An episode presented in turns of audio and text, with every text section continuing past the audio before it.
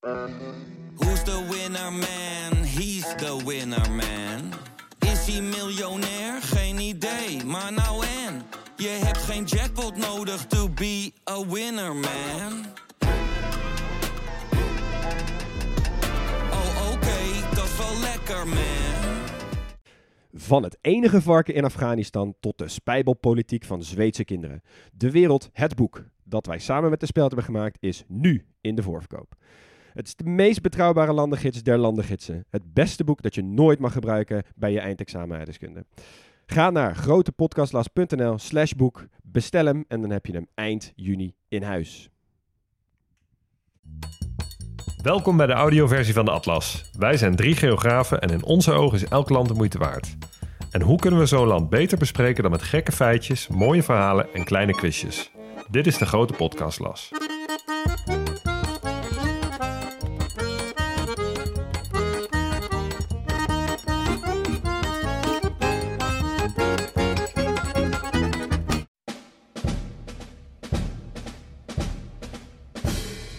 Senegal, een van die landen die zich de Gateway of Africa noemt.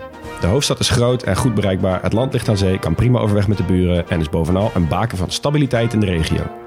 Senegal is een betrokken wereldburger, maar kan zelf ook al eeuwen rekenen op overzeese interesse. En dat heeft een opvallend Nederlands tintje achtergelaten. Wat ook opvallend is, is dat Senegal swingt. En niet zo'n beetje ook. Ons laatste hoofdstuk gaat over de geneugten des levens en Senegal grossiert in alles wat het leven mooi maakt. Wij beloven een grote glimlach aan het einde van deze aflevering. Ja, we zitten hier nu al met drie grote glimlachen. Ja. Nou, we zitten vandaag eh, Senegal, jongens, weer een nieuw landje. Eh, we hebben best wel veel verschillende landen gehad al. En we kregen de vraag van Koen de Wit. ehm, en we ook best wel vaker gehad die vraag van hoe kiezen jullie nou die landen? Welke volgorde? Goeie vraag. Ja, goede vraag. Ja. Ja, ja ehm, eigenlijk, we willen de hele wereldkaart vullen. Dus we willen alle landen een keer behandelen. Eh, dus in die zin maakt het niet heel veel uit waar we beginnen. Maar we proberen natuurlijk wel een beetje afwisselende landen te kiezen. Dus eh, we hoppen wel een beetje van continent naar continent. Ehm, dus Ja. ja, eigenlijk be- bedenken we... Ja, eh, we kijken een beetje gewoon ja. algemeen. Hè? Wat, is, wat doet de bevolking? Hoe ziet de geschiedenis er globaal uit? Eh, hoe ziet het land er globaal uit? Weet je, gewoon dat soort, dat soort dingen proberen bij elkaar af te wisselen. Ja, Ja. Dus dat je niet gewoon eerst drie Europese landen doet... en aan het eind eh, alleen maar opgescheept zit met Precies. allemaal Kiribatis en Brunei's en zo. Nee, exact. En eh, je mag ook niet te veel Zuid-Amerikaanse landen doen, hè? want er zijn er gewoon best wel weinig. Ja, inderdaad. Dus Afrika, ja, dat zijn gewoon de meeste landen liggen in Afrika. Ja, dus eh, daar moeten we er heel veel van doen. Het is trouwens niet zo dat we het helemaal tot het eind uitgestippeld hebben. Dus we weten niet waar we mee opgeschept zijn Nee. tot het eind. We bepalen het eigenlijk gewoon de afleveringen van tevoren waar we de, de week daarna naartoe gaan. Ja, en als je vriend van de show bent, dan kan je regelmatig ook nog instemmen op eh, wat de volgende aflevering wordt. Dus hou die ook in de gaten. Ja, dus wil je voorrang voor bepaalde landen, dan eh, schiet ons even aan. Dan kunnen we even kiezen of we daar wel of niet iets mee gaan doen. Ja. En ik vroeg me even af, jongens, eh, hebben jullie nou zelf nog een voorbeeld van een land dat jullie echt positief verrast heeft? Oh, zeker wel. Dus waar je eerst echt nu niet echt een gevoel bij had en na Ja. de aflevering of na de aflevering echt dacht van wow, Ja, dit ik, zou is je echt. nog, ik zou je nog beter vertellen. Van tevoren dacht ik, oh, dit wordt sowieso een niet een leuk land. En achteraf dacht ik, wow, ik word er eigenlijk stiekem best wel heen. En dat was? De Verenigde Arabische Emiraten. Ja, oh, die- Ik wil precies hetzelfde zeggen. Ja, maar het was echt verrassend. Ze, moesten wel van ver komen, moet ik bijzeggen. Absoluut. En ze staan nog steeds niet bovenaan mijn lijst. Maar dat Nee, maar- was voor mij ook echt wel een Precies. Maar openbaring. kijk, zo'n land als Albanië, ja, daar wilde ik al heel graag heen. Ja. En na zo'n aflevering helemaal, weet je Ja, wel. Ja. Ja. En jij? Ja, ehm, Bangladesh vond ik heel tof. Ja, maar die, die zat ook wel hoog in jouw, eh, jouw Misschien wel, ja. eh, lijstje. En eh, ja, ik vond Zimbabwe ook wel tof. Daar Ja. heb ik ook van genoten. Dat wordt, de, dat wordt de komende jaren heel interessant om te Ja. kijken wat daar gaat gebeuren. Leuk. Mooi.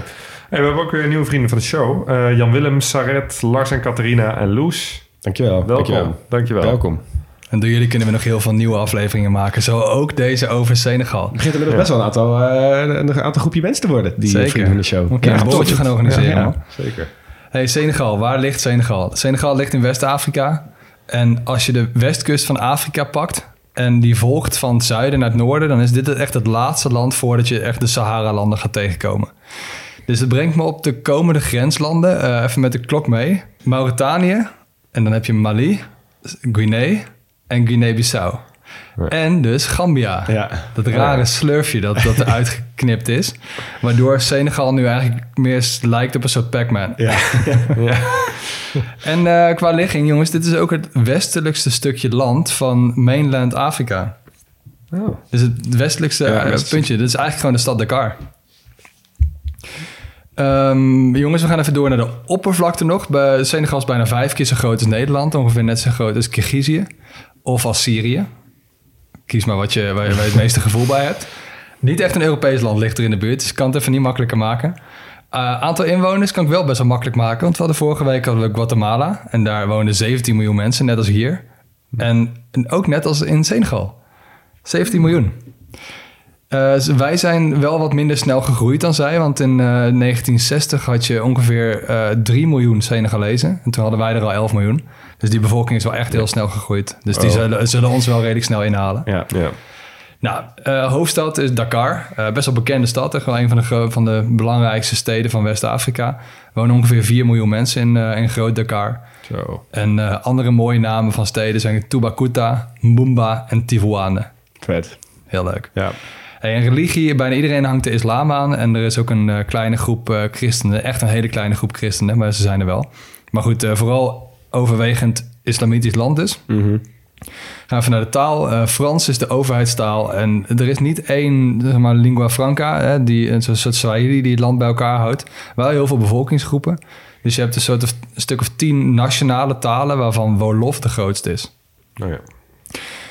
Wat wel grappig is trouwens, is als je naar, uh, naar Gambia gaat. Uh, als je, stel je begint in, in Gambia en je gaat naar het zuiden door Senegal naar Guinea-Bissau. Dan ga je dus van Engels naar Frans naar Portugees. Zo. Het is maar 60 kilometer of zo, maar dat zijn drie hele andere talen. Ja. Dus dat is wel interessant.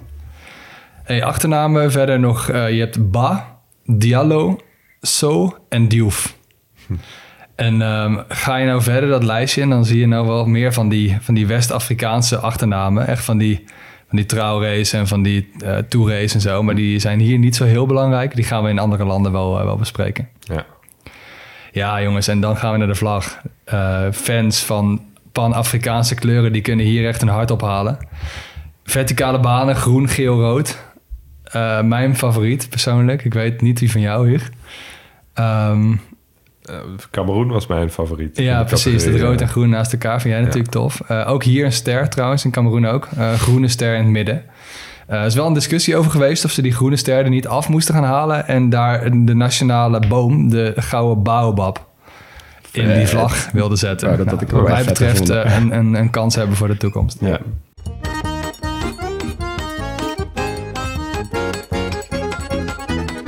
Nou, wie wonen nou eigenlijk in Senegal? Um, zoals je al zei, hè, veel mensen zijn in de laatste zoveel jaar geboren. Dus ze hebben uh, 60% van de bevolking is jonger dan 24.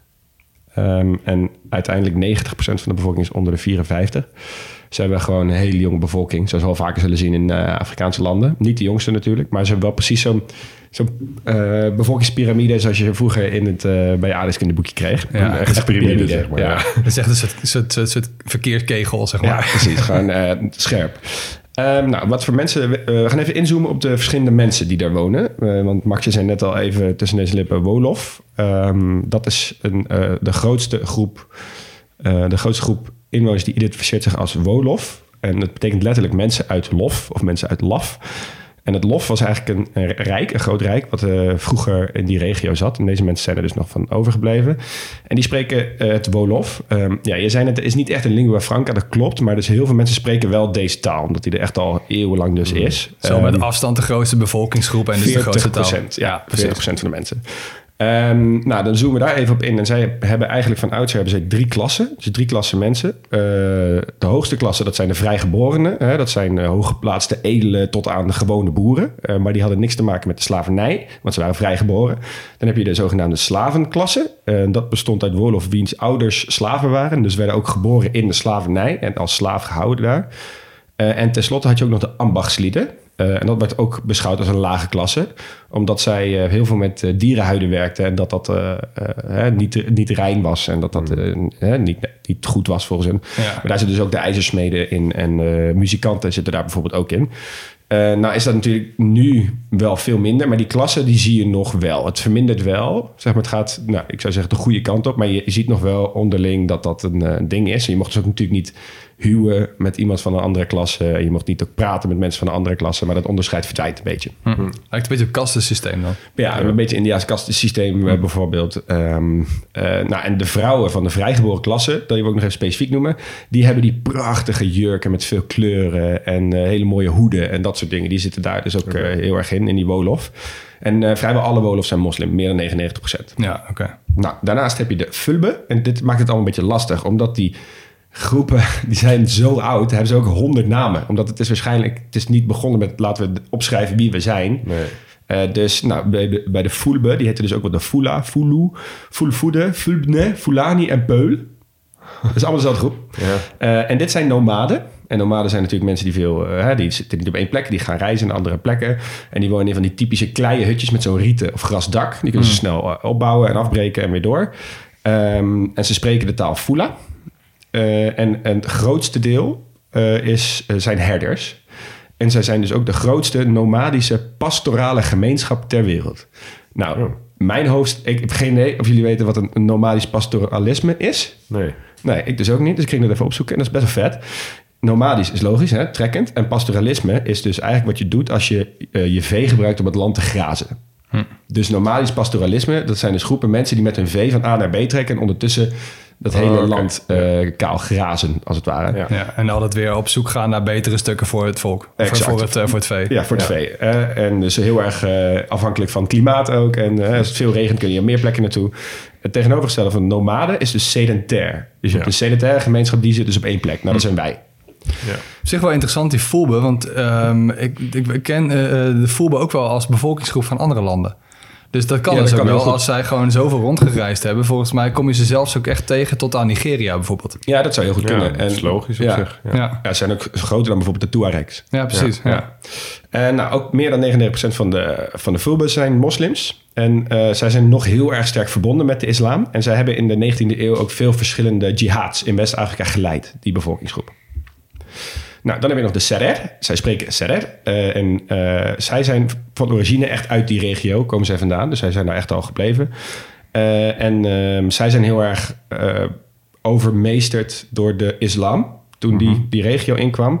En zij staan bekend als de mensen die zeg maar echt heel erg hebben verzet hebben ge- geboden tegen de islam en tegen de jihadisten. En die zijn altijd heel koppig geweest, zo staan ze ook bekend. En ze vochten eerst dus tegen die jihads en daarna tegen de Franse koloniale overheersing. In de 20e eeuw zijn uiteindelijk de meesten wel eh, bekeerd tot de islam. Maar hier vind je dus nog wel veel christenen. Maar dus ook wat we bijvoorbeeld ook in andere landen zagen... dat ze de religies bij elkaar hebben gestopt. Dat hebben ze daar ook nog. Ja. Je hebt ook nog de hele kleine groep, de Jola. Eh, zij zijn voornamelijk christenen. Eh, en zij zijn vet om te noemen, want Jola betekent letterlijk payback of terugbetalen. Omdat ze alles, zowel goed als kwaad, doen ze terug bij je. Ah, oog om oog, tand om tand. Precies.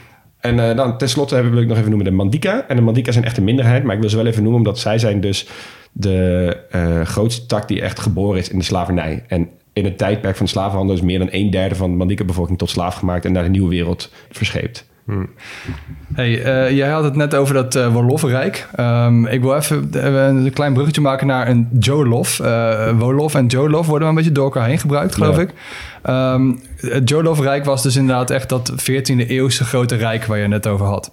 Dus ehm, als je de eh, geschiedenis van West-Afrika ziet voor de koloniale tijd, dan had je eigenlijk vaak kleine koninkrijkjes, een soort van hele kleine nazistaatjes, die allemaal hingen rondom een bepaald volk.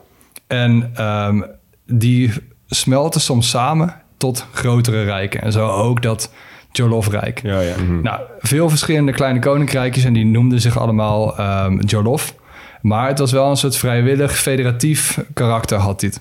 Dus het was echt ge- gebaseerd op samenwerking. Ja, en niet ja. op een soort van militaire overheersing, zeg maar. Nee, en maar ze gingen het gewoon samen doen. Dus het was Ja. echt een soort van federatie. Nou, dat Jolof-rijk was heel groot. Ehm, maar uiteindelijk, eh, door interne conflicten en ook wel eh, doordat de Europeanen kwamen, is dat een beetje in verval geraakt. Nou, die Europeanen, wie waren dat nou? Dat waren natuurlijk eerst Portugezen. de Portugezen, aangespoord door, Huug, quizje voor jou, Vasco da Gama? Hendrik de Zeevaarder. Oh, natuurlijk. Jouw grote vriend, die geen zeevaarder was. Jaal. Nou, ehm, belangrijk eiland daarvoor was Goree. G-O-R-E-E. En ehm, een van de eerste Afrikaanse plekken waar de Europeanen kwamen... was dus dat eiland, Goree, net voor de kust van Dakar. Eh, die Portugezen die kwamen er in 1444. Dus dat is echt super lang geleden. vroeg, ja. ja. En eh, ze bleven er niet permanent. Dus eh, eigenlijk ook in heel Senegal niet. Ze stichten er alleen een paar handelsposten. En toen kwamen de Nederlanders. En die kochten het, eh, dat eiland, Goree, in 1617...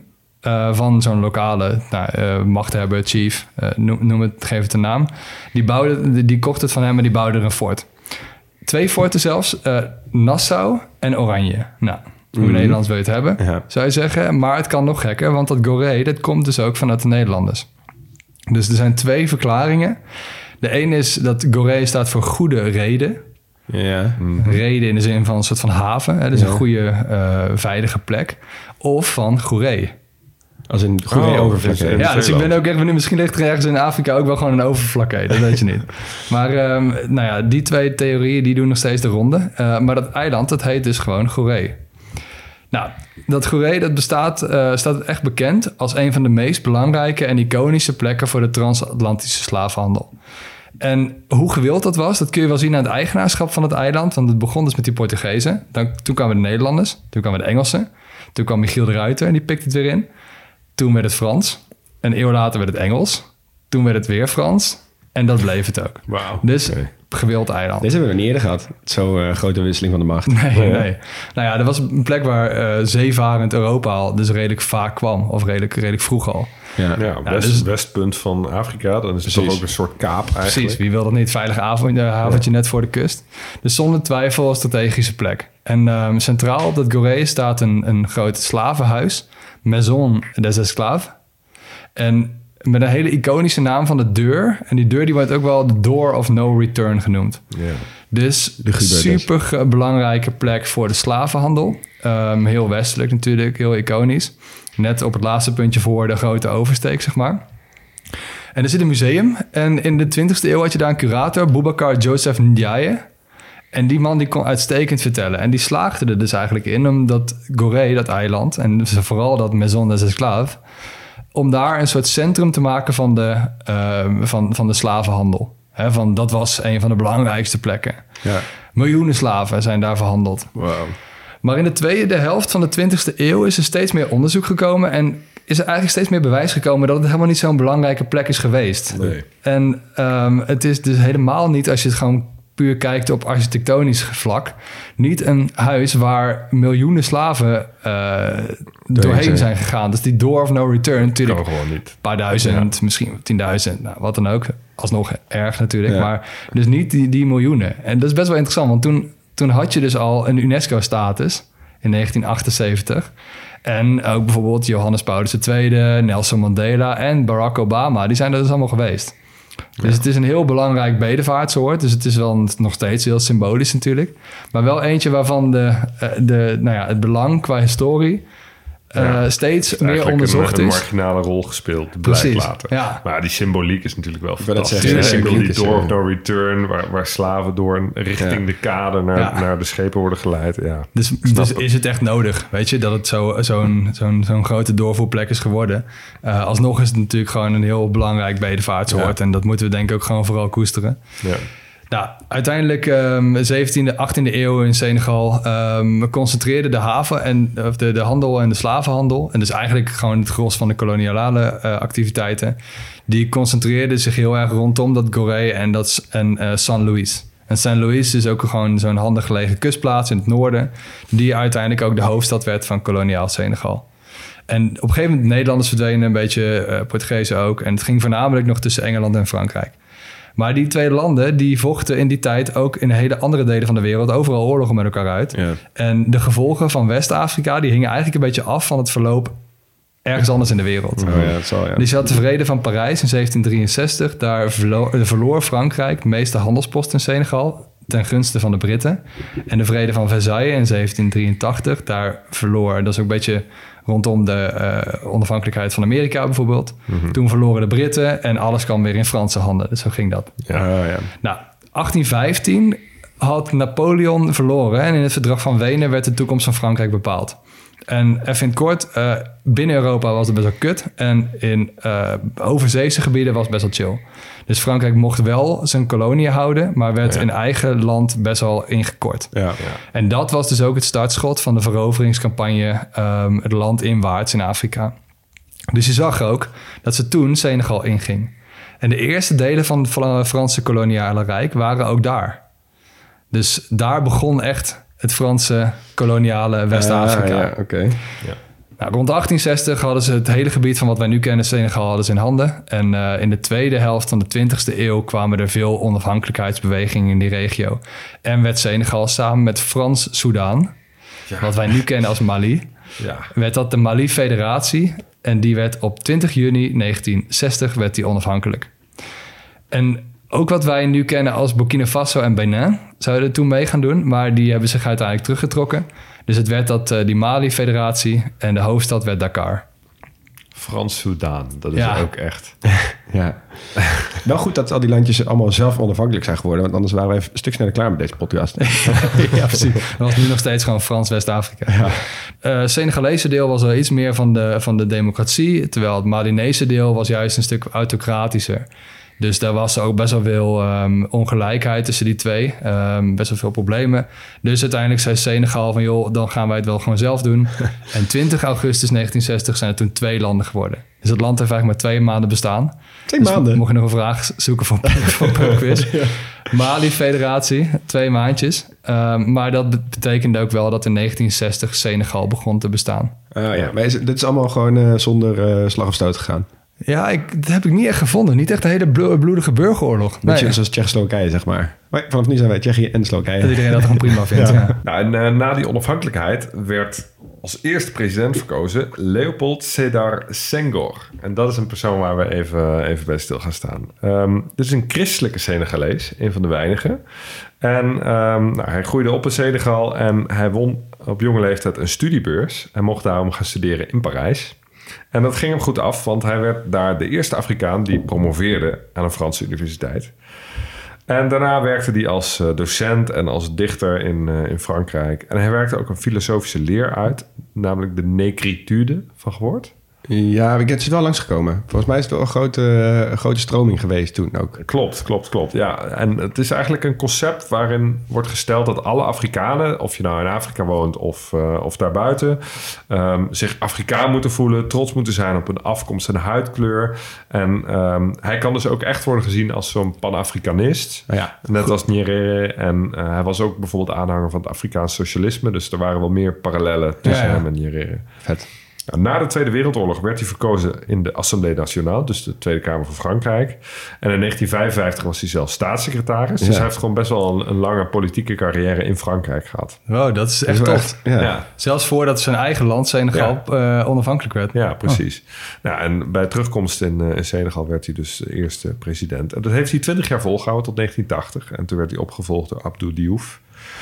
De jaren 80 bracht ook wel weer iets bijzonders in de staatkundige geschiedenis van Senegal. Want um, uh, toen is de Confederatie Senegambia opgericht.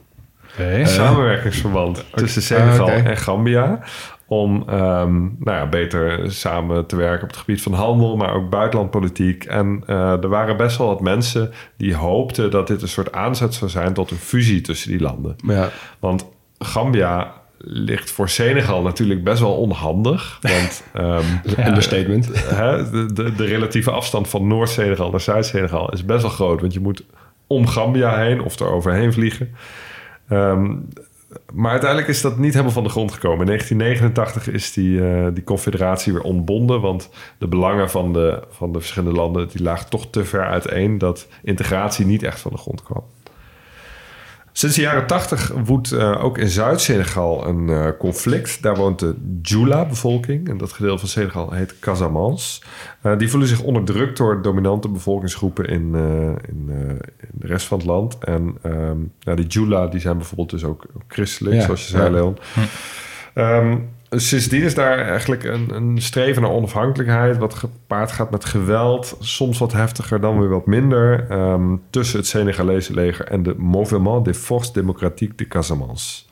Nou, uiteindelijk in 2014 is er een staakt het vuren afgekondigd. Maar ook sindsdien is het nog steeds wel onrustig. Dus in dat zuidelijke gebied is nog wel eens, Oh ja, wel eens wat strijd. Ja. Maar het klinkt niet als een... hoe zeg je dat? Nou, de laatste 50, 60 jaar van Senegal klinken wel als een behoorlijk rustige... Het is, het is over het algemeen behoorlijk politiek stabiel geweest. Dat Ja. klopt inderdaad. Ja, Ja. ja. dat is wel opvallend. Ehm daar zal ik straks ook nog wel even iets over zeggen. Ehm, een, een andere belangrijke gebeurtenis in de recente politieke geschiedenis is gebeurd in 2002. Eh, toen is een verschrikkelijke ramp gebeurd. Is namelijk eh, de veerboot Jola, die onderweg was van Zuid-Senegal naar Noord-Senegal. eh, zonk voor de kust van Gambia. En eh, daar zijn ruim 1800 opvarenden verdronken. En er zijn er maar 60 gered. Dus dat is echt, nou, echt bizarre cijfers. En er bleken nogal wat veiligheidsvoorschriften te zijn geschonden. De boot was bijvoorbeeld berekend op maar 600 personen. Dus dat heeft ook heel veel kritiek op de Ja. regering van eh, ehm, toenmalig president Abdullah de Wade eh, gezorgd. Ja. Sinds 2012 is ehm Sherif Maki Sali president. En dat is hij nu nog steeds. Hij is geoloog. Hey, vriend van de show. Toch wel. Een soort van halve vriend van de show. Ja, inderdaad. toch wel. Ehm, dit jaar is hij ook voorzitter van de Afrikaanse Unie. Dus best wel een, een, eh, een bijzondere man. eh, in, eh, nou, een man van groot aanzien. En onder zijn bewind is ook een hele interessante man aangesteld als minister van Cultuur en Toerisme. Ja. Maar dat is even een cliffhanger voor het, Ah, ja. voor het stukje kunst.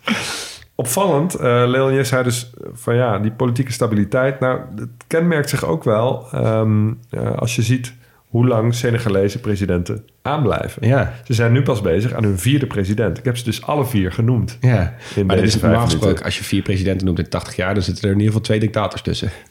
Ja, nee, dat is, Dat dat zie je is dus in dit niet. geval dus niet zo. Nee. Nee, nee, nee. Ehm, dus ja, ze, ze, ze- ze zijn gemiddeld toch wel 15 à 20 jaar aan de macht. Ja. Ja. Wat een chill land.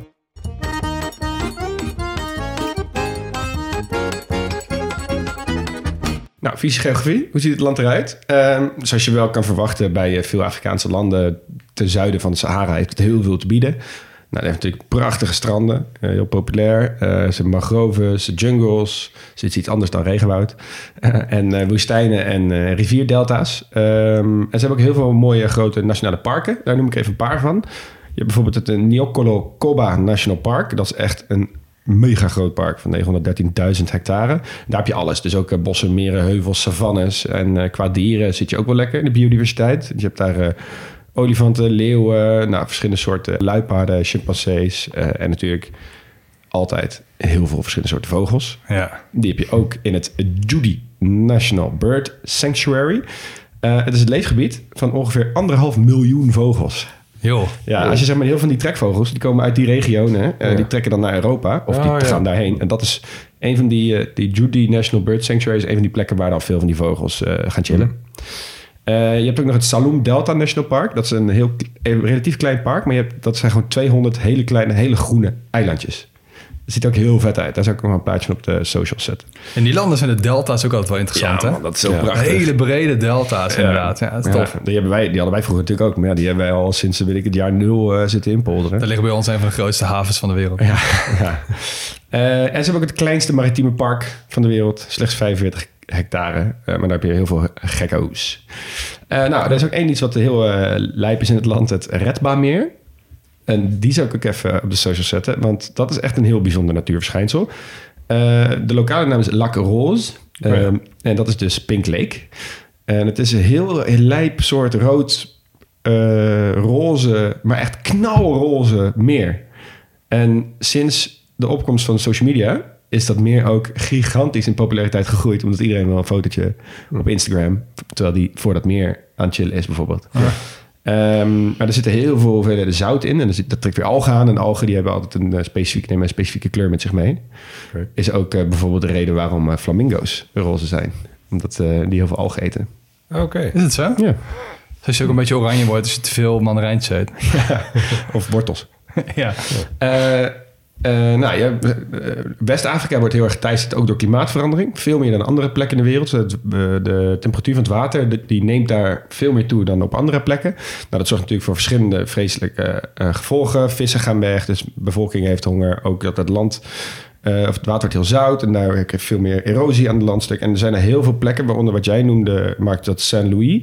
Daar, dat is echt al heel erg aan het eh, zinken. En daar zijn allemaal al aan de zijkant heel veel huizen in het water gevallen. Dus het is ook nog maar een kwestie van tijd voordat dat prachtige oude stadje onder de zeespiegel verdwijnt. Eh, want het hoogste punt van die hele stad van 250.000 mensen is 4 meter boven de zeespiegel. Oei, oei, oei. Ja, dus dat is eh, balen. Maar ik ga afsluiten met een fantastisch project. Afrikaanse Unie. Ik kwam dit tegen. Ik werd helemaal wild. Fantastisch. Het is in 2009 besloten om in de Sahel... En de Sahel is zeg maar die streek onder de eh, Sahara. Dat is een soort overgangsgebied tussen het zand van de Sahara... en de groene natuur van zeg maar nou, Midden- en Zuid-Afrika. Is besloten om een gigantische groene muur aan te leggen. Ja. Dus 8000 kilometer lang, 15 kilometer breed overal, alleen maar bomen. Ja. Dat hebben al die landen samen besloten in de Afrikaanse Unie. Ja. Ja, ik heb hier ook wel eens over gelezen. Ik vond het echt van zo'n grote proportie. Ik dacht echt van, dit kan toch niet waar zijn? Maar het is wel degelijk waar. Ja. nou, het idee is natuurlijk dat die muur die daar gaat dan klimaatverandering tegen en de uit, vooral ook de uitbreiding van die woestijn, want dat is Ja. echt een gigantisch probleem daar in die regionen. Eh, en uiteindelijk zou het dus ook het landschap transformeren, waardoor dus de mensen daar ook veel beter kunnen leven. En je kunt weer vee eh, hebben en je kunt er economisch ook weer wat beter mee omgaan. En het is natuurlijk goed voor, de, voor het klimaat en de natuur. Ja. En het loopt dus helemaal van Senegal in het westen tot Djibouti in het oosten. En het is in 2011 al gestart. En 15% is inmiddels al geplaatst. Eh 13 landen hebben zich aan het project gecommitteerd. En er komt natuurlijk heel veel geld van buiten Afrika binnen. Ja. ja, het werkt heel goed, hè? Het Ja. werkt supergoed. Ja. Kijk, het idee is, je hebt bijvoorbeeld... Het verschil is, je kan bomen planten... maar als je alleen een boom plant... ja, de, de kans is best wel groot dat als er bijvoorbeeld dan iets negatiefs gebeurt... dat die boom ook afbrandt of zo... of dat die hele omgeving daar slecht op reageert. Het idee is dat je het hele land moet eh, herstructureren. Dus je Ja. moet ook veel meer denken aan... oké, hoe kun je er zorgen dat die bodem ook goed is? En dat red je niet met alleen een paar bomen. Dus daar zijn ze nu heel erg mee bezig. Ja. Ehm, en ze hebben al, de eerste effecten zijn al, eh, zijn al eh, bezig. Vol- Volgens lokale wetenschappers is er echt wel veel minder wind. dat die wordt tegengehouden. Bodemerosie is minder. De temperaturen worden minder extreem. Dus Ja. het werkt gewoon al. Ja, want die, die verwoestijning is natuurlijk een soort vicieuze cirkel. Dat als, als plantjes het moeilijk hebben omdat het bijvoorbeeld droger wordt... dan wordt, eh, sterven ze af, wordt de grond niet bij elkaar gehouden... waait de grond weg, verlies je vruchtbaarheid. Ja. Dus Ja. je hoeft er maar iets in te doen... en je kan zeg maar die cirkel stoppen Ja, eh, ja, ja. door zo'n project als dit. Maar moet je nou, wat, wat een omvang, joh. Ja, man. Doe even gewoon even van West naar Oost-Afrika. Het breedste punt van het Ja. continent. 8000 Ja. kilometer. Ja, maar het werkt. fantastisch. Het- wat en het- veel werkgelegenheid natuurlijk. Precies, kijk. En dat vind ik dus ook heel gaaf. Want en er is veel werkgelegenheid, maar ook de lokale bevolking profiteert er op alle fronten van. Ja. Dus daarom heeft iedereen heeft er baat bij om dit eh, te laten maken. En als het voltooid is, dan zal het de, de, zal het de grootste levende structuur ter wereld zijn. Drie keer zo groot als de Great Barrier Reef. Dan gaat bij ons de vlag uit, hoor. Ja, dan gaan we echt wel een vlagje doen. Dan geven wij een borreltje als die klaar is.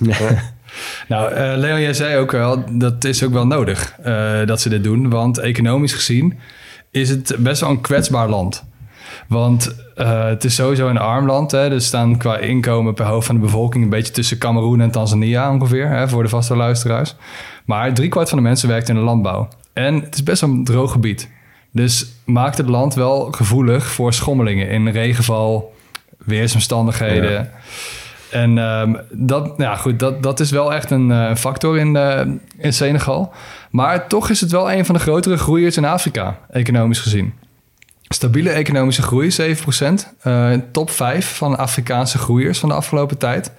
Dus dat is wel echt iets om, om, om trots op te zijn. Best een grote groeipotentie. Ja, Dakar is natuurlijk wel een van de grootste en belangrijkste steden van West-Afrika. Grote haven, eh, best een goede, nou ja, hoogopgeleide bevolking. Eh, spreken Frans, dat is handig in die regio. Ja. Dus veel potentie. Nou, grootste exportsector is visserij. En daar wil ik jullie even iets meer in meegenemen van hoe ziet die visserij er nou uit en wat zijn nou uitdagingen die ze daar hebben. En ik zeg het even eh, als een soort eufemisme. 17% van de mensen werkt dus in die vis- visserij. En de gebieden voor Senegal en de kust zijn hele visrijke gebieden. Ja. Altijd al geweest. Nou, uiteindelijk, die Wolof, die ehm, zijn ook eh, degene geweest die Senegal hun naam hebben gegeven. Dat ga, zo gaat het verhaal. Dat betekent Sunugal, betekent onze boot. Dus men heeft boten en men vist al eeuwenlang. Want ja, hè, dat is gewoon een van de grootste economische sectoren. Ja. Eh, die lokale lui die vissen in een prauw. En de, een prauw, dat, dat zijn eigenlijk handgemaakte ondiepe roeiboten. Die lijken op kano's. een beetje in de vorm van een banaan hebben ze ze in, in Senegal. Ja. En ehm, voor de liefhebbers van bijvoorbeeld eh, Pakistaanse trucks. Dus ze beschilderen die dingen echt in de felste kleuren. Nice. Met uitspraken, met beeldenissen. Met een beetje geluk vind je er ook wel een keer een portret van Lionel Messi als je wil. voetballer, Ja, precies. Ehm, je kunt daar naar Soumbedioun Beach in Dakar en daar liggen ze dus allemaal. Ehm, de- nou, daar komen al die vissen samen, er liggen al die boten, die worden daar een paar kilometer verderop gemaakt. Dus nou, ook wel tof om daar een keer te gaan kijken. Maar goed, je kunt niet zomaar in iemands achtertuin landbouw gaan bedrijven. Dat is gewoon niet mogelijk. Maar in de visserij gebeurt dat dus wel een beetje. Ja. Ja. Dus ehm, je kunt wel prima iemands achtertuin leegvissen. En daar beschuldigen de Senegalezen eh, met name China en, de, en vooral de EU van. Ja. Ja. Want de Senegalese overheid die heeft deals gesloten met de EU... dat zij tonijn en heek... Nou, heek is een vis die wij niet zoveel eten... maar in Spanje en Portugal wordt die wel veel gegeten. eh, die mogen daar gevist worden tot 12 kilometer van de kust. Zo, dat is best dichtbij. Dat is heel dichtbij, maar ze komen nog veel dichterbij. En met veel grotere en veel professionelere schepen. Dus ze vissen niet alleen die zee leeg, maar eh, ze zijn ook veel vervuilender dan die prauwen Ah. waar die Senegalezen Ja, in vissen. Dus nou ja, denk echt een beetje aan een soort van olifant in een porseleinwinkel, weet je? Ja. Nou, uiteindelijk ehm, wordt daar dus heel erg overbevist. En het erge is ook een beetje dat de vangst van die vissen, die worden niet gegeten. Maar die worden verwerkt tot visolie. Of die worden helemaal vermalen tot een soort van veevoer. Oh ja, dat zie je ook wel vaak. ja. Eh, de, de vangst van die Europese schepen bijvoorbeeld. Ja. dus. Oh, En vooral van die Chinese schepen. Dus die, die vermalen dat allemaal. En daar wordt, daar wordt gewoon veevoer van gemaakt. Het is gewoon het mais van de zee. Ja, precies. Ja. Terwijl voor die Senegalezen is het, het een eeuwenoude Ja. economische Ja. sector. En ehm, er staan dus ook in West-Afrika best wel grote fabrieken... waar die visolie en die, vis, eh, die, die veevoer dingen gemaakt worden. En de markt daarvan is vertienvoudigd in de afgelopen jaren. Ja. Ja. Senegal loopt 270 miljoen dollar per jaar mis door deze praktijken. En eh, in één jaar, bijvoorbeeld van 2016 tot 2017, daalde de vangst in Saint-Louis met 80 Jo. Dus die, gaat, die markt die gaat er gewoon helemaal aan als we Ja. daar niet, eh, als we daar niet goed ingrijpen. Ja. En er klinkt dus weer zo'n roep ook om duurzaamheid door die Senegalezen. Niet alleen voor de milieuredenen, maar ook gewoon voor het eigen voorbestaan van hun sector. Ja, en duurzaamheid betekent in hun geval ook dat die vissers niet over tien jaar helemaal uitgestorven zijn. Precies. Ja. En het geeft het ook nog best wel een eh, Europees politiek tintje. Want heel veel mensen zijn daar een stuk inkomensonzekerder geworden. eh, een stuk armer geworden. En eh, veel daarvan die zijn ook gewoon vertrokken richting Europa. Ja. Dus eh, emigratie wordt daar ook gewoon veel nou ja, aantrekkelijker... op het moment dat het eh, economisch gezien zo moeilijk wordt gemaakt. ja, als al dat geld toch eh, daar gemaakt wordt, vertrekt naar Europa. Ja.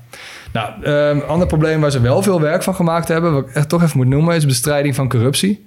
Ehm, hele grote programma's voor, ehm, eh, voor in het leven geroepen. En ze staan nu echt als een van de beste voor qua corruptie in heel Afrika. Dus klein lichtpuntje. Vet. Ja, Oké. Hup Senegal. Lichtpuntjes vind je ook wel aan toerisme. Want dat, dat is een sector die best wel aan het groeien is. Eh, in het begin was het vooral gericht op Fransen met, met een paar eh, strandresorts ehm, ja, in de tweede Ja. of 20e eeuw.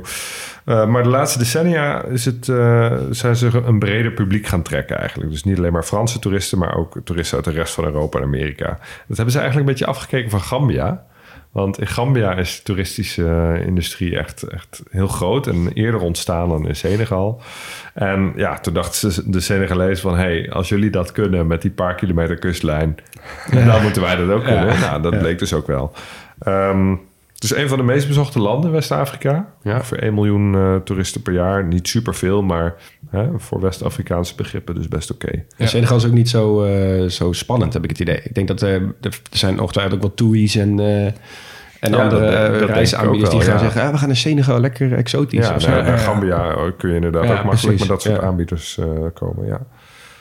Ehm, nou, wat kan je, kan je allemaal nog meer doen? Dakar trekt natuurlijk ook veel toeristen als grote stad. Eh, is, is er van alles te beleven. Een paar dingen wil ik eruit pikken. Ehm, eh, een belangrijk standbeeld is het monument voor de Afrikaanse wedergeboorte. Ja, ik heb hem gezien. Een bronzen standbeeld van 50 meter hoog Ja. op een heuvel in de buurt van eh, Dakar. Ehm, het gebouwd door Noord-Koreaanse arbeiders. Jo, ook bijzonder. ik Komen heb die ook dit nog dus- eens ergens? Ja, ik heb dit, dit, dit toevallig ook inderdaad uitgezocht. En toen ik Noord-Koreaans zag, dacht ik wel...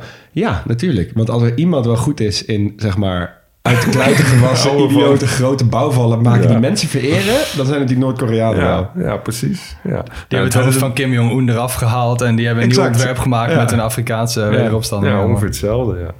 In 2010 hebben ze die onthuld. Precies 50 jaar na de onafhankelijkheid. Dus de symboliek is duidelijk. Ehm, was wel een omstreden eh, monument. Want eh, ja, 50 meter brons standbeeld is natuurlijk vrij duur voor een arm land.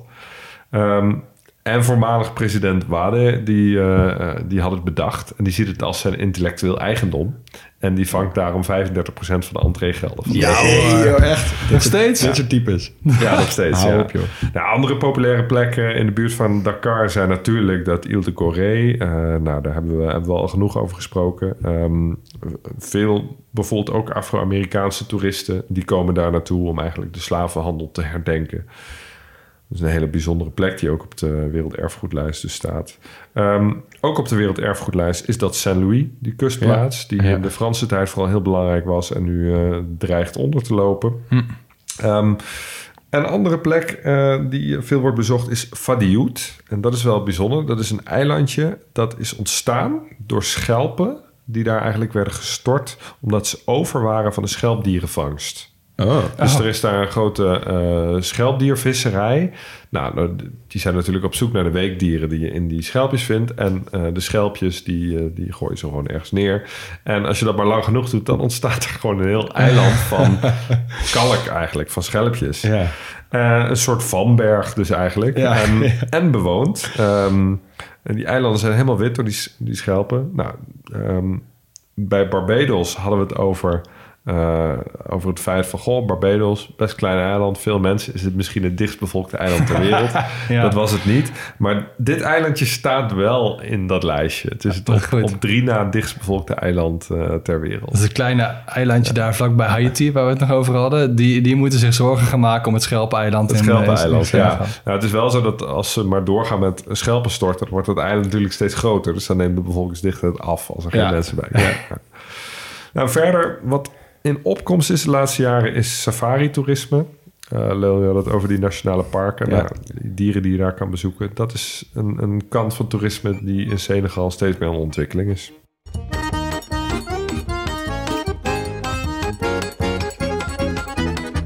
Oké, nou, we hebben het in de introductie aangekondigd, maar nu gaan we erheen. De kunst. Nou, eh, Max, ik weet dat jij en ik zijn groot fan. Ja. Groot fan van alle muziekstijlen uit Senegal. Dus ik neem jullie even mee naar een klein muziekreisje.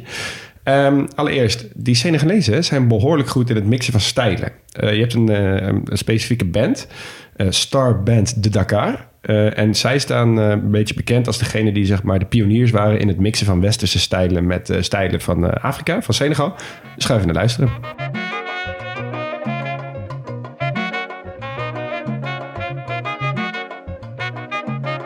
Ja, lekker. Ja, toch? Ja, Ja, gewoon een beetje, een beetje blaasinstrument, saxofoon en eh, trommels en eh, eh, oude Afrikaanse zang. Eh, maar, en deze ben ik veel gaan luisteren de laatste dagen. Echt, echt onmogelijk veel. Eh, Orchestra Baobab. En zij mixen, dan ga ik jullie even laten raden met welke stijl zij mixen.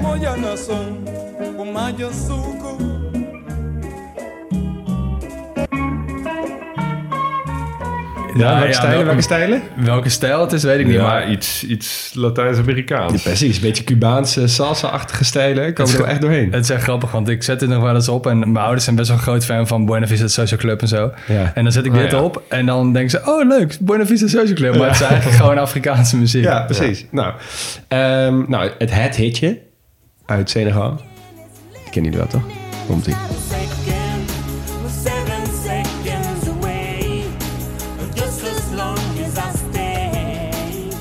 Oh, komt dit uit Senegal, ja? Ja, zeker. Ja. Is dit van Youssou N'Dour dan? Dit is zeker voor Youssou N'Dour. En Youssou N'Dour, die was minister van Toerisme. Yes. Dus dit eh, hebben we eigenlijk die cliffhanger compleet voor jou. ja, kunnen we weer rustig slapen. Ja, maar sowieso een mooi event, die Youssou N'Dour. Echt, eh, ga een keer een interview met hem kijken. Prachtig. Wie ook een mooi event was, eh, is, zijn leven allemaal nog, Baba Maal. Ehm, hij heeft eh, heel veel hitjes gehad. Ehm, er, een van zijn bekendste nummers heeft hij gemixt met de Britse band Mumford Sons.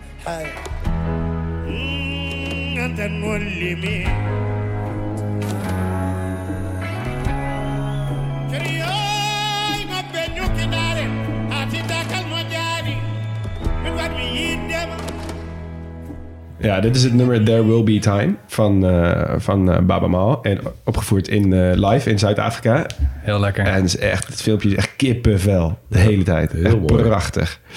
Ehm, we hebben nog twee liedjes voor jullie. Ja? Zijn klaar? Oh, Hebben ja, jullie tijd nee, te dansen? nee, fantastisch. Ik, geniet van het, het beste muziekhoofdstukje in de grote podcast tot nu toe. Ja, ik ben zo blij hiermee ook, echt. Nou, een van de bekendste muzikanten in Senegal zelf is eh Chai Glo. Die ken jij ook wel, Max, denk ik. Ja. Even een nummertje van hem luisteren.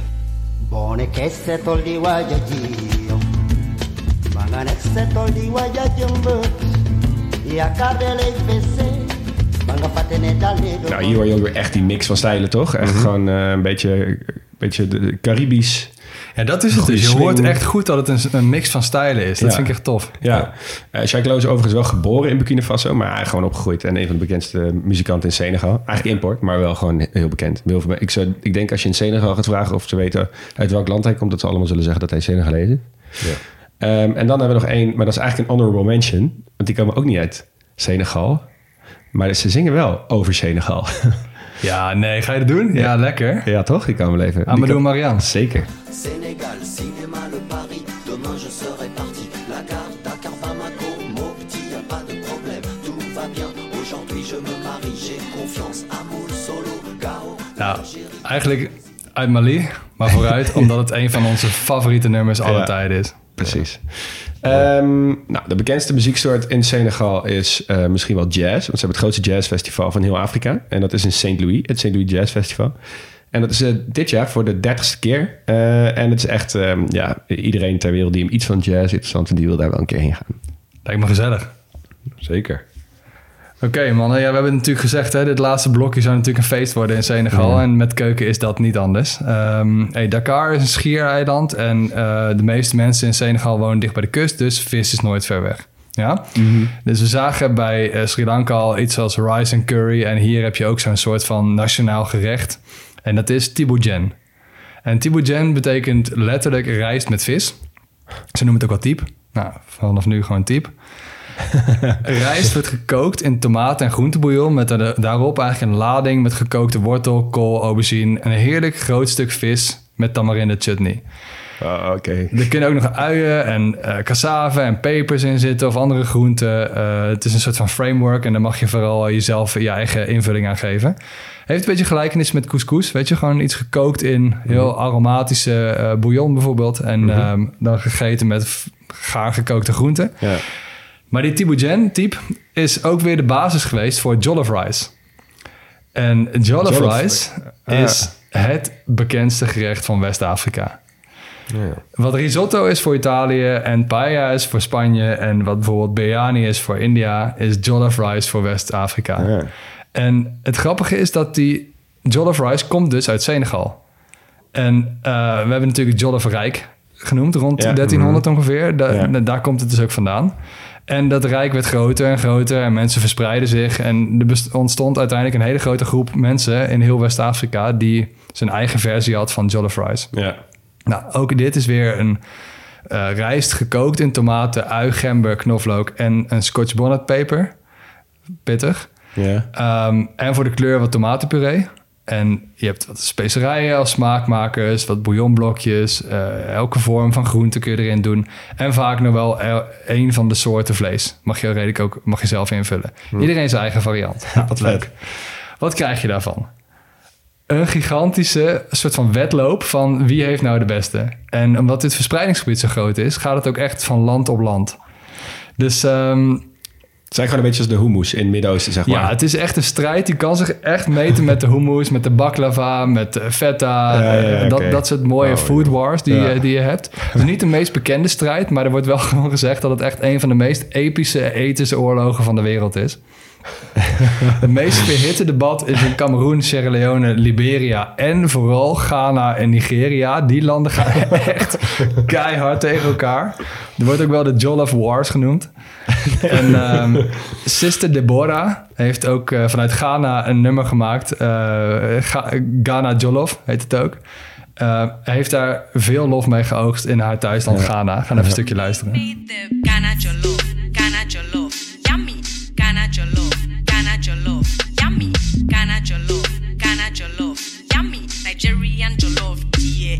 Wat een grap dus. Dat is echt een gevaarlijke beat ook. Ja, een gevaarlijke beat en een gevaarlijke oorlog. Dus eh, nou, daar, daar zijn de, de strijd is daar het heftigst in Ghana en Nigeria. Maar in, in Senegal, Senegal en Gambia zijn ze best wel chill. Weet je, ze hebben zoiets van, nou, het komt gewoon toch hier vandaan. Wij mengen Ja, ons niet in ja. deze strijd. Het is sowieso van ons. Jullie kijken maar wat Ja. nu het beste.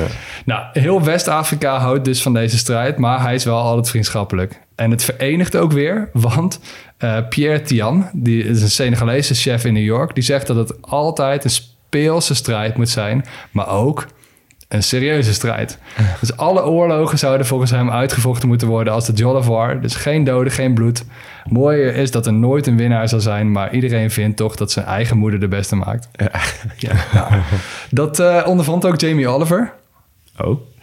Eh, die had een recept op zijn website in 2014. En een heel West-Afrika vergat een beetje dat ze midden in die Jollof War zaten. Dus die verenigde zich War. en die keerde zich inderdaad tegen Jamie. Ja. Had hij maar geen citroen, koriander en peterselie moeten gebruiken. Dus ze zijn met, echt met z'n allen zijn website gaan bestoken. En eh, daar heeft hij dus inderdaad wel wat, eh, wat van ondervonden. Gewoon weer zo'n mooi voorbeeld van cultural appropriation. Precies, Ja. precies. Ja. Maar wel met een glimlach in dit geval. Ja. Overigens, eh, als je dit tof vindt, eh, de BBC heeft een vette website. Food Wars. Er staan allemaal van dit soort dingen. ja, ja, vet. dat is echt heel leuk. En wat trouwens ook vet is, eh, in Senegal werd, werden superveel stokbroden gegeten. Nou, dat zie je natuurlijk wel in meer Frans, voormalig Franse kolonies. Maar in Senegal was het echt wel een probleem, want eh, tarwe groeide er helemaal niet goed.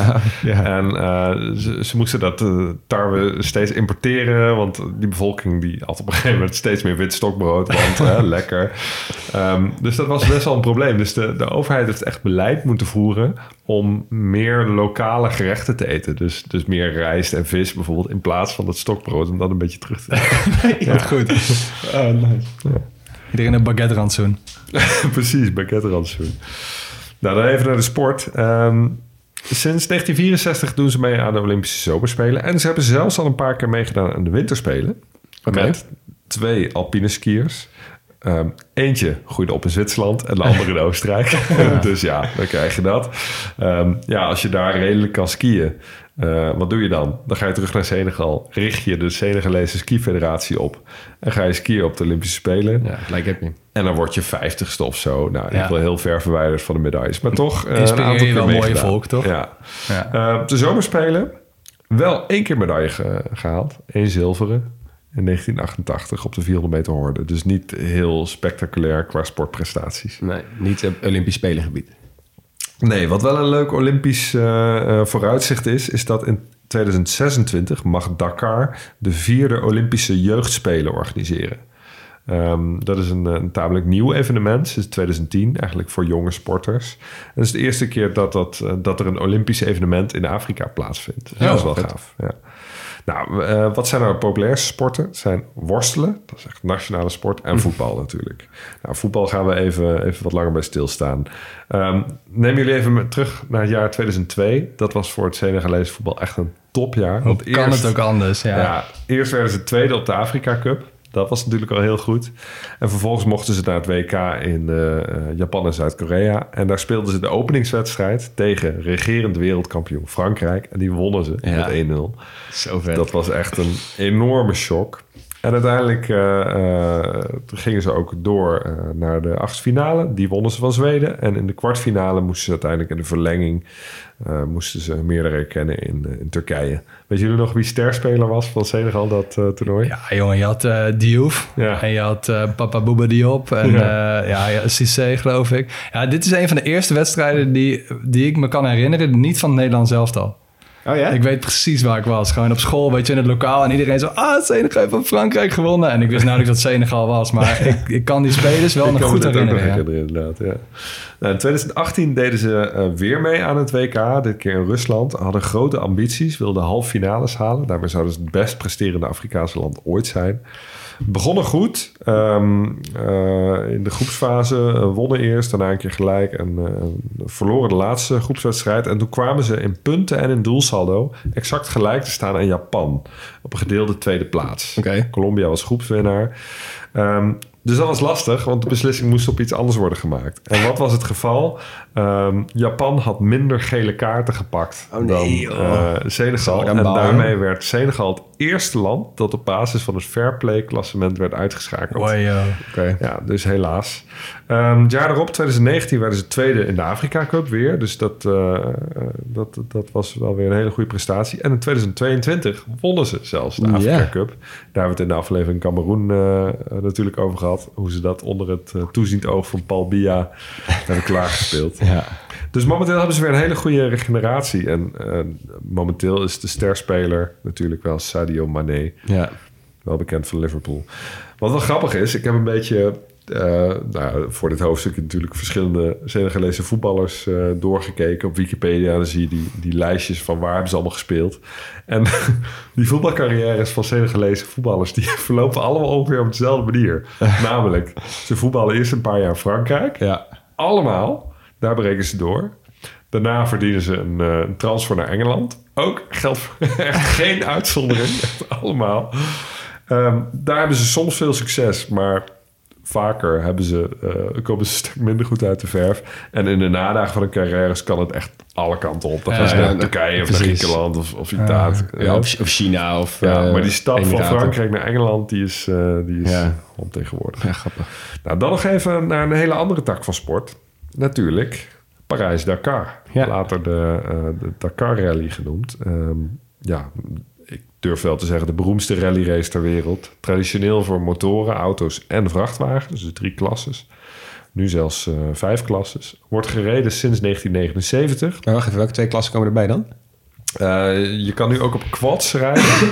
en op een soort golfcar-achtige... eh, ja, ja. Het zal toch te makkelijk worden, jongens. ja, precies. We zijn meteen een Segway of zo. Ja, ja, dat wordt de volgende stap. Ja, traditiegetrouw, ehm, eh, in meerdere etappes wordt er van eh, Parijs naar Dakar gereden over heel zwaar terrein. Het is echt niet vergeleken met, met rally races zoals je die wel kent. Het is echt gewoon dwars door de, door de woestijn. Nou, de route, route wisselt een beetje, maar eindigde wel bijna altijd in Dakar. Bij dat Lac Rose trouwens. Oh, Dus ja, dat, oké. dat, roze zoutmeer. Ehm, tot 2008. Toen was het in Mauritanië heel onrustig. Ja. Waardoor ze hebben besloten om de rally te cancelen. Dat is ook echt En- vet kut voor Senegal. Ja, Ja. ja, konden ze precies niks aan doen. Nee, zit je best wel een chill, chill eindpunt, weet je wel. Ja. En dan doen ze ergens halve... Ja, Ja, en eh, vanaf 2009 dacht de organisatie van ja, eh, wij gaan niet meer naar Afrika, want dit is gewoon te riskant, het is te instabiel.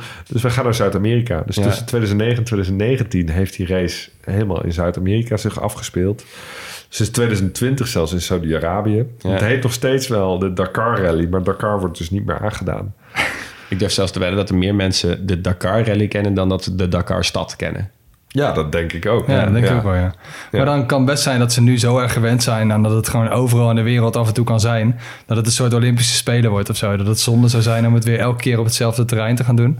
Ja. Dat ze nou zo meteen elk jaar een nieuwe variant gaan bedenken. Op een, keer naar Mongolië en een keer dwars naar Australië en wat dan ook. Ja, dat zou dat, zou op zich kunnen. Ehm, het, is, eh, het is trouwens ook een rally die niet helemaal onomstreden is. Er is best wel veel over te doen, want het is super gevaarlijk voor Ja. de coureurs. Er gebeuren veel ongelukken. Maar ook de lokale bevolking is vaak slachtoffer geweest. Eh, en ook het vee van de lokale bevolking. Oh, ja, de ja. nomaden bijvoorbeeld. Ja. Dus ja, er wordt niet gereden over een afgesloten parcours. Nee, die nomaden die Ehm, bewegen zich nog wel eens. Ja, Pas- pastoralisme. Ja, en dat, dat zorgt toch wel voor veel controverse. Ik bedoel, eh, sowieso de racesport is altijd toch wel een, een sport van rijke westelingen geweest. Ja.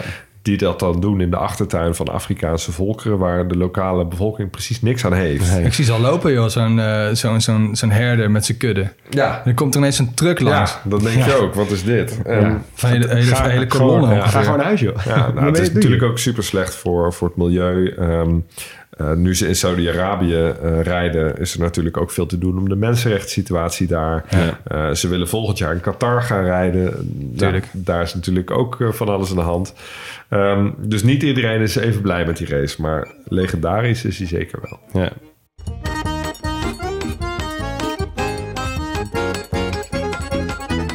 Nou, jongens. Zijn we aan het einde gekomen van deze aflevering.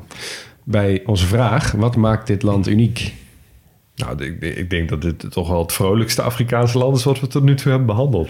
Ja, qua, geschiedenis wat- wat en hier- eh, ja. Ja. Wat voor leuke, leuke dingen we allemaal hebben gehoord. ja, dat terwijl zeg maar 200 jaar geleden was het de hoofdstad van de slavenhandel. Ja. Ja, Dus zeg maar, en, en eh, even voor de luisteraar, we gaan dit nog ooit een keer uitvoerig bespreken met een gast die hier veel meer vanaf weet dan wij. De, de geschiedenis en de, eh, de gevolgen van de slavenhandel. Maar inderdaad, van de laatste 100 jaar, ik ken bijna Afrikaanse landen met zo'n rooskleurige geschiedenis. ja en ook gewoon Ja. zoveel toevoegingen op cultureel. Alles zeg maar, Ja. eh, waar we mee begonnen. Ja, alles wat het leven mooi maakt. Nou, daar grossiert Senegal in. Ja, maar dat zie je natuurlijk wel vaker bij landen die wat meer rust hebben. En ook dus wat minder geld dat er in, eh, in oorlogsmachines wordt gestopt of zo. Of dictators die het wegsluizen. Dan heb je ruimte voor national parks. Dan heb je ruimte voor muziek. Dan heb je ruimte voor eten. Ja, en West-Afrika heeft natuurlijk sowieso wel echt een hele sterke muzikale traditie. Gaan bijvoorbeeld ook wel in Mali zien, weet je. Ja. Gewoon eh, in Burkina Faso ook wel, geloof ik. Maar ook gewoon een, een redelijk goed ontwikkelde eh, sportinfrastructuur. Met generatie op generatie toch wel weer teams waar je echt wel blij van wordt. Ja, En dan, ja, dan heb je het nog niet eens over die Joll of Ride. Ja. ja, ja. ja, dat het maar zo mag blijven. En dat ze die, eh, die eh, vervelende geschiedenis van langer terug maar ver achter zich mogen laten. Dus je moet alleen even die vissers wegjagen. ja. precies. Onze vissers. Oké, eh, en eh, de volgende vraag. Wat gaan wij doen als we één dag in Senegal zijn? Ja, ik ga toch wel even naar Gorée, denk ik. Gewoon die iconische plek bekijken. Toch wel op Ja. een soort van bedevaart. Ja, ik ben daar toch wel heel benieuwd naar. Maar ik ben ook wel benieuwd naar dat andere stadje. Dat, eh dat is St. Louis. Ja. Die had ik, eh, misschien te combineren. Als je snel eh Als je- water skiet. Als je snel, als je snel rijdt, ja. Nee, ja, St. Louis lijkt me ook heel gaaf. Maar volgens mij is die straatcultuur in Senegal, van wat ik ervan gezien heb, ook echt levendig. Ja. Eh, veel eten, veel muziek, veel kunst. eh, overal. In Dakar hebben ze ook overal van die muurtekeningen en zo. En er wordt heel veel kunst op straat ook verkocht. Ja. Ja, en laat mij maar een dagje streunen hoor. Ja, Ja, ik het ga schijnt- ook zeker naar Het schijnt ook wel dat die muziek dus niet alleen maar een soort van muzikaal exportproduct is, maar dat je daar in kleine barretjes dus Ja. ook overal heel veel muziek vindt. Ja, Ja, meer live muziek. veel bij. Meer live muziek, Ja. meer barretjes. Nou, gaan we binnenkort doen. Bedankt allemaal voor het luisteren naar, eh, naar dit hoofdstuk van de Grote Podcastlas. Wij zijn Leon Boelens, Max Gerrits en Hugo Noordman. De eindmontage wordt gedaan door Jonas van Impen. We zijn nooit volledig, maar wel origineel. Geen experts, wij liefhebbers. Hebben we iets verkeerd gezegd of zijn we iets cruciaals vergeten? Volg ons dan even en laat het weten via Twitter of Instagram op Grote Podcastlas. Je kunt ons enorm helpen door je vrienden, familie en collega's te vertellen over onze podcast of door vriend van de show te worden. Daarmee steun je ons jaarlijks voor een klein bedrag en kunnen wij weer mooie nieuwe aflevering maken. Volgende week reizen we naar Vaticaanstad. Babenin.